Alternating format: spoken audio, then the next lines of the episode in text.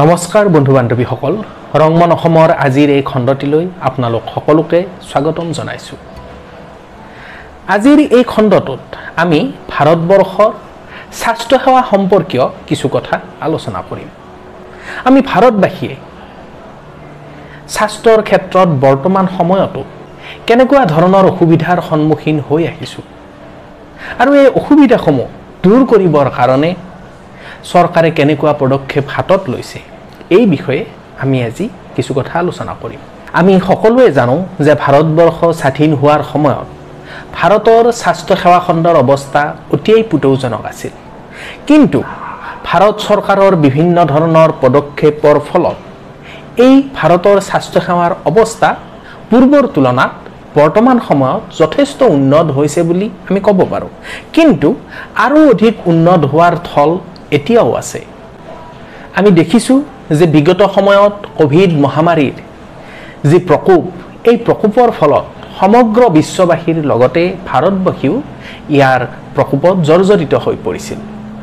কিন্তু ভাৰত চৰকাৰে এই মহামাৰীটো সুন্দৰভাৱে নিয়ন্ত্ৰণ কৰি যি এক বিশ্বৰ সন্মুখত নজিৰ দাঙি ধৰিলে সেয়া সঁচাকৈ শলাগিবলগীয়া।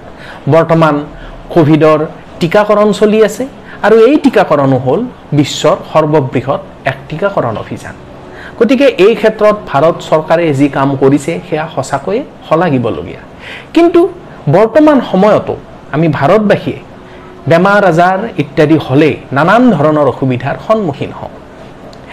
আমি জানো যে মধ্যবিত্ত মানুহ যিমানখিনি ভাৰতত আছে এই মধ্যবিত্ত মানুহখিনিৰ বহুত সংখ্যকেই বেমাৰ আজাৰ ইত্যাদিৰ ফলত বহুত টকা পইচা খৰচ কৰিবলগীয়া হয় আৰু দৰিদ্ৰ সীমাৰেখাৰ তললৈ আহিবলগীয়া হয়। আৰু যিখিনি দৰিদ্ৰ মানুহ আছে সেই দৰিদ্ৰ মানুহখিনিৰ অৱস্থা কি হ'ব পাৰে আপোনালোকে ভাবক। মধ্যবিত্ত মানুহখিনিয়ে এই চিকিৎসা সেৱাৰ যি খৰচ সেই খৰচ বহন কৰিব নোৱাৰি নানান আৰ্থিক আহুকালৰ সন্মুখীন হ'বলগীয়া হয়। গতিকে এনে ক্ষেত্ৰত যিখিনি দৰিদ্ৰ সীমাৰেখাৰ তলৰ যিখিনি মানুহ ভাৰতত বাস কৰে তেখেতসকলে এই ইমান ব্যয়বহুল চিকিৎসা ব্যৱস্থা তেখেতসকলে কেনেকৈ গ্ৰহণ কৰিব পাৰিব? যদি চৰকাৰে সহায় নকৰে এই দৰিদ্ৰ মানুহখিনিৰ অৱস্থা কি হ'ব? আমি নিশ্চয় অনুমান কৰিব পাৰোঁ। কি হয় যে গাঁও অঞ্চলত নতুবা চহৰ অঞ্চলতেই হওক যিখিনি দৰিদ্ৰ মানুহ থাকে বহুতেই কি কৰে সৰু সুৰা বেমাৰ হ'লে দেখুৱাবই নাযায়। কাৰণ তেখেতসকলে হয়তো ভাবে যে আমি যদি দেখাব যাওঁ বহুত পইচাৰ খৰচ হ'ব। বা ডাঙৰ যিবিলাক বেমাৰ মানুহৰ শৰীৰত হয় তেতিয়া এই দুখীয়া মানুহখিনিয়ে কি হ'ব? সেই যিটো ৰোগৰ চিকিৎসাৰ খৰচ তেখেতসকলে বহন কৰিব নোৱাৰি বহু ক্ষেত্ৰত চিকিৎসা আধৰুৱা কৰিবলগীয়া হয়। গতিকে এনেকুৱা এক অৱস্থা ভাৰতবৰ্ষত চলি আহিছিল।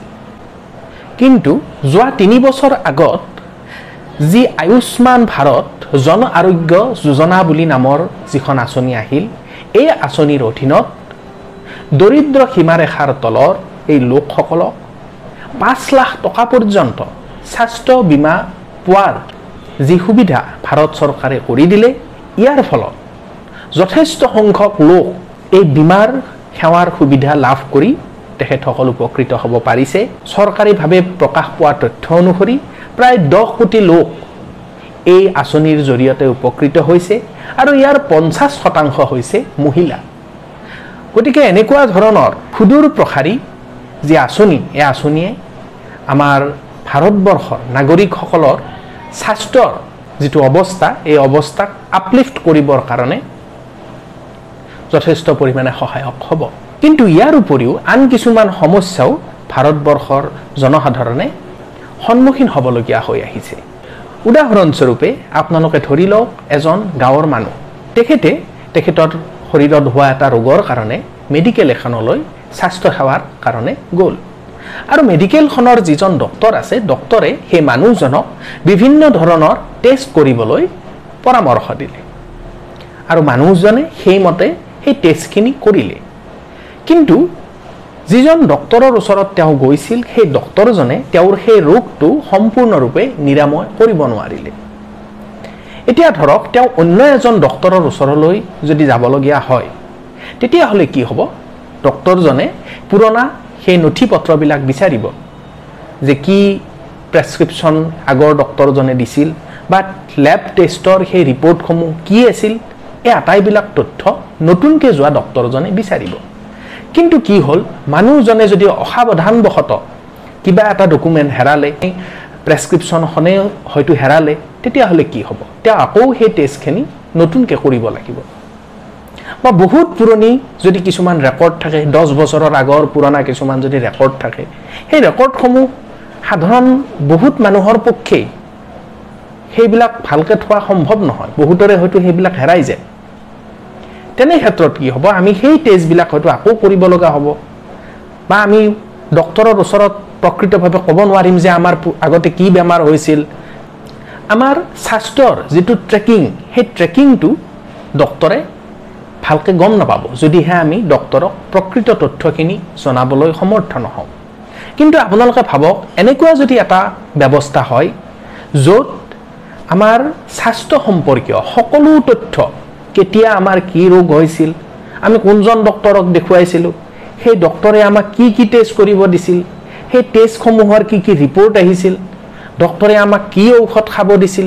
এই গোটেইখিনি তথ্য যদি এঠাইত সংৰক্ষিত হৈ থাকে আৰু সেই বিষয়ে আমি যদি কোনো চিন্তা কৰিব নালাগে আমি নতুন ডক্টৰ এজনৰ ওচৰত গ'লে সেই ডক্টৰজনে নিজৰ কম্পিউটাৰত যদি সেই তথ্যখিনি গম পাই যায় তেতিয়াহ'লে কিমান সুবিধা হ'ব? ধৰা হ'ল আমি অসমৰ মানুহ এজন যদি মুম্বাইত কিবা চিকিৎসাৰ কাৰণে গৈছোঁ আমি লগত একো নথি পত্ৰ নিব নালাগে। সেইবিলাক সেই ডক্টৰজন যিজন মুম্বাইত বহি থাকিব তেওঁৰ কম্পিউটাৰত ওলাই যদি যায় তেতিয়াহ'লে কিমান সুবিধা হ'ব আমাৰ জনসাধাৰণৰ পক্ষে? গতিকে এনেকুৱা এক সুবিধাজনক ব্যৱস্থা গঢ়ি তুলিবৰ বাবেই ভাৰত চৰকাৰে আৰম্ভ কৰিছে নেশ্যনেল ডিজিটেল হেল্থ মিছন। এই নেশ্যনেল ডিজিটেল হেল্থ মিছনখনৰ বিষয়ে দুহেজাৰ বিছ চনৰ পোন্ধৰ আগষ্ট তাৰিখে লালকিল্লাৰ পৰা প্ৰধানমন্ত্ৰী নৰেন্দ্ৰ মোদীয়ে যি ভাষণ দিছিল সেই ভাষণত এই বিষয়ে তেওঁ উল্লেখ কৰিছিল। আৰু লগতে এই আঁচনিখন ছখন কেন্দ্ৰীয় শাসিত প্ৰদেশত ইতিমধ্যে পাইলট প্ৰজেক্ট হিচাপে কৰি থকা হৈছে। আৰু তাৰ সম্পূৰ্ণ এবছৰ পিছত যোৱা সাতাইছ ছেপ্টেম্বৰ তাৰিখে সম্পূৰ্ণ ভাৰতবাসীৰ কাৰণে আয়ুষ্মান ভাৰত ডিজিটেল মিছন বুলি এই মিছনখনৰ শুভাৰম্ভণি প্ৰধানমন্ত্ৰী শ্ৰী নৰেন্দ্ৰ মোদী ডাঙৰীয়াই কৰিলে। এই আঁচনিখনৰ জৰিয়তে কি হ'ব ভাৰতবৰ্ষৰ প্ৰত্যেকজন নাগৰিকৰ একোটা হেল্থ আই ডি থাকিব। যেনে আমাৰ আধাৰ কাৰ্ডৰ একোটা আই ডি থাকে পেন কাৰ্ডৰ এটা আই ডি থাকে ঠিক তেনেকৈ আমাৰ হেল্থৰো এটা আই ডি থাকিব। এই হেল্থ আই ডিটো আপোনাৰ মোবাইল নাম্বাৰেই হওক নতুবা আধাৰ নাম্বাৰেই হওক ইয়াৰ লগত লিংক হৈ থাকিব। মানে এজন মানুহৰ এটাই হেল্থ আই ডি থাকিব। আৰু এই হেল্থ আই ডিটোৰ জৰিয়তে সেই মানুহজনৰ শৰীৰৰ সম্পূৰ্ণ ৰেকৰ্ড কি হ'ব? এটা চেণ্ট্ৰেলাইজ ছাৰ্ভাৰত ষ্ট'ৰ হৈ থাকিব। আৰু আমি এই বিষয়ে একো চিন্তা কৰিব নালাগে। যেতিয়াই দৰকাৰ হয় কোনোবা ডক্টৰৰ ওচৰত যদি আমি যাওঁ সেই পুৰণা হেল্থ ৰেকৰ্ডবিলাক আমি সেই ডক্টৰজনে আমি যদি অনুমতি দিওঁ সেই ডক্টৰজনে নিজে তেখেতৰ কম্পিউটাৰত এইবিলাক চাব পাৰিব। গতিকে চাওক কিমান সুবিধাজনক কথা হ'ব। বৰ্তমান সময়ত এই হেল্থ আই ডি বনোৱা এই প্ৰক্ৰিয়াটো কম্পালচৰি কৰি দিয়া নাই। অৰ্থাৎ আমি যে ভাৰতবাসীয়ে কৰিবই লাগিব এনেকুৱা কোনো কথা নাই। কাৰোবাৰ যদি মন যায় কৰিব পাৰে। আৰু কাৰোবাৰ যদি মন নাই সেইটো নকৰিবও পাৰে। কোনো বাধ্যবাধকতা নাই। অকল ভাৰতৰ নাগৰিকেই নহয় ইয়াত কি হ'ব?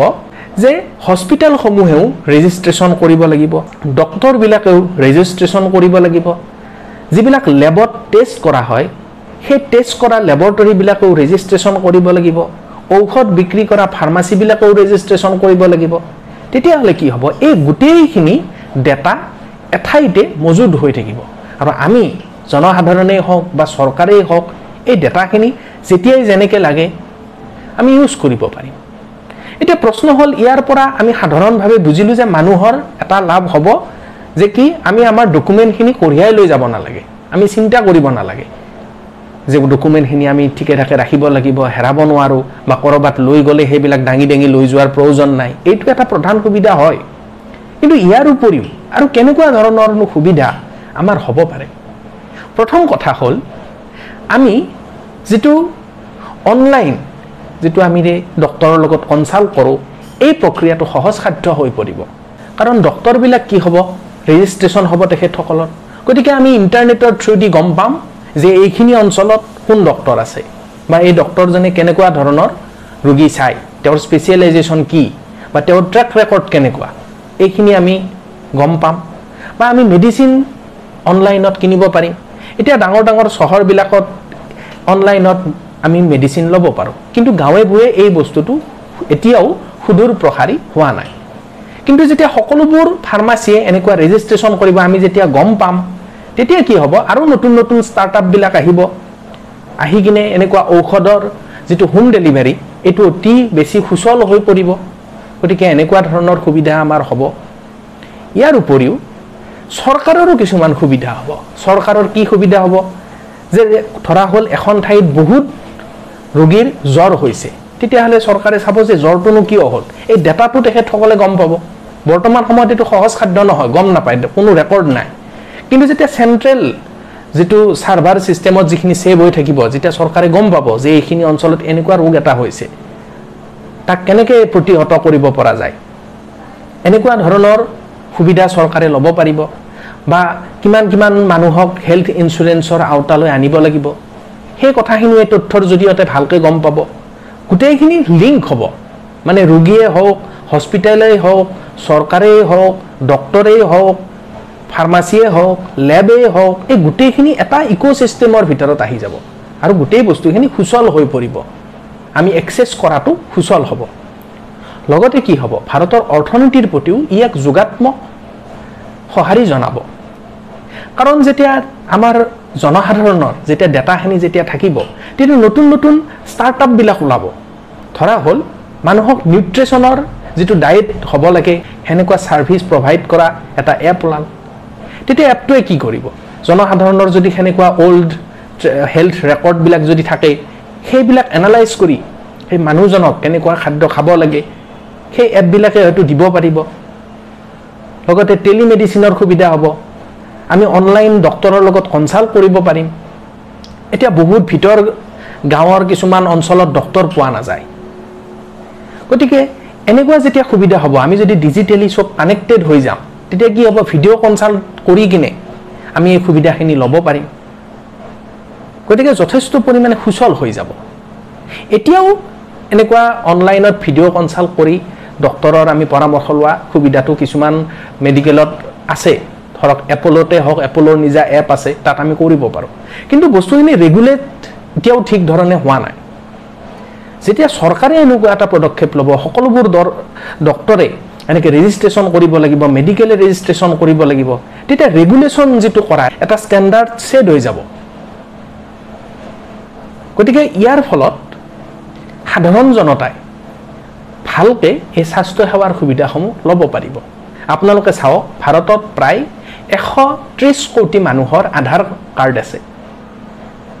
বা এশ দহ কোটি মানুহৰ মোবাইল আছে। আশী কোটিতকৈও অধিক লোকৰ ইণ্টাৰনেট সুবিধা আছে। গতিকে এনে এক সুবিধাজনক স্থিতিত থকাৰ পিছত ইয়াৰ যিটো পটেঞ্চিয়েল সেই পটেঞ্চিয়েলটো বুজিব লাগে আৰু সেইমতে কাম কৰিব লাগে। গতিকে এই যিখন আঁচনি লোৱা হৈছে আমি ভাবোঁ যে আঁচনিখনে ভাৰতৰ জনসাধাৰণক যথেষ্ট পৰিমাণে উপকৃত কৰিব। ইয়াৰ উপৰিও এই আঁচনিখনৰ কিছুমান প্ৰত্যাহ্বানো আছে। সেই সম্পৰ্কে আমি কিছু কথা চাওঁ। যেনে ধৰক যে ভাৰতবৰ্ষত হয় আমি তথ্যৰ সহায়ত গম পাইছোঁ যে ইণ্টাৰনেট ব্যৱহাৰকাৰী বহুত লোক আছে। প্ৰায় আশী কোটিতকৈও অধিক লোকে ইণ্টাৰনেট ব্যৱহাৰ কৰে। কিন্তু এশ শতাংশ মানুহটো এই ইণ্টাৰনেট ব্যৱহাৰকাৰী লোকৰ সংখ্যাৰ ভিতৰত সোমোৱা নাই। তেতিয়াহ'লে এই বাকী ৰৈ যোৱা অংশৰ মানুহখিনিয়ে এই যি চৰকাৰৰ ডিজিটেল হেল্থ মিছনৰ যিখিনি সুবিধা এইখিনিনো কেনেকৈ তেখেতসকলে বুজি পাব কেনেকৈ তেখেতসকলে ইয়াৰ লাভ উঠাব পাৰিব এইটো এটা প্ৰত্যাহ্বান বুলি ভাবিব পাৰি।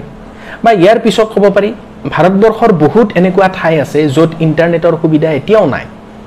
তাত কোনো পাহাৰীয়া বহুত জেগা আছে তাত নেটৱৰ্ক বিচাৰি পোৱা নাযায়। বা অপটিকেল ফাইবাৰৰ সুবিধা এতিয়াও সেই অঞ্চলবিলাকত হোৱা নাই। গতিকে সেই মানুহখিনি কেনেকৈ এই আঁচনিখনৰ অধীনলৈ অনা যাব? বা আন কিছুমান কথা আহি পৰে যেনে ডেটা ছিকিউৰিটি যে ভাৰতবৰ্ষৰ এই নাগৰিকসকলৰ শৰীৰ সম্পৰ্কীয় যি মূল্যৱান তথ্য এই তথ্যখিনি যদি কোনোবা অসাধু চক্ৰৰ হাতত পৰে তেতিয়াহ'লে ইয়াৰ মিছ ইউজ হ'ব পাৰে। গতিকে এনেকুৱা কিছুমান ধৰণৰ প্ৰত্যাহ্বান আছে। কিন্তু প্ৰত্যাহ্বানটো থাকিবই। যেতিয়া আমি নতুন কিবা এটা কাম কৰিব ল'ম তেতিয়াহ'লে প্ৰত্যাহ্বান থাকিব। কিন্তু আমি ভাল ধৰণে এই প্ৰত্যাহ্বানৰ মুখামুখি হৈ এইবোৰক প্ৰতিহত কৰি আমি কামবোৰ কৰি যাবই লাগিব। হয় প্ৰাইভেচিৰ কুৱেশ্যন এটা আহিব পাৰে। গতিকে ভাৰত চৰকাৰে এই প্ৰাইভেচিৰ যিটো দিশ সেইটোত ষ্ট্ৰিক্টলি সেইখিনি ভাল ধৰণে চোৱা চিতা কৰি সেইটো ৰেগুলেট কৰিব লাগে।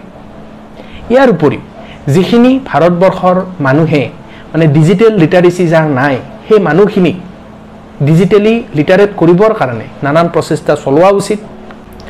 আৰু ইয়াৰ উপৰিও যিবিলাক অঞ্চলত এতিয়াও মোবাইল নেটৱৰ্ক নাথাকে নতুবা অপটিকেল ফাইবাৰ গৈ পোৱা নাই সেই অঞ্চলবিলাককো যাতে প্ৰপাৰলি কানেক্টেড কৰিব পৰা যায় সেইবিলাক দিশতো চৰকাৰে কাম কৰিব লাগে। গতিকে বন্ধু বান্ধৱীসকল আজিৰ এই ভিডিঅ'টোত আমি ভাৰতৰ নেশ্যনেল ডিজিটেল হেল্থ মিছন সম্পৰ্কীয় কিছু কথা আলোচনা কৰিলোঁ। আশা কৰিলোঁ আপোনালোকে আজিৰ ভিডিঅ'টো চাই ভাল পালে। গতিকে আপোনালোকে ভিডিঅ'টো চাই কেনে পালে কমেণ্টত জনাব। আৰু আজিলৈ আমি ইয়াতে আপোনালোকৰ পৰা বিদায় লৈছোঁ। আপোনালোকক বহুত বহুত ধন্যবাদ।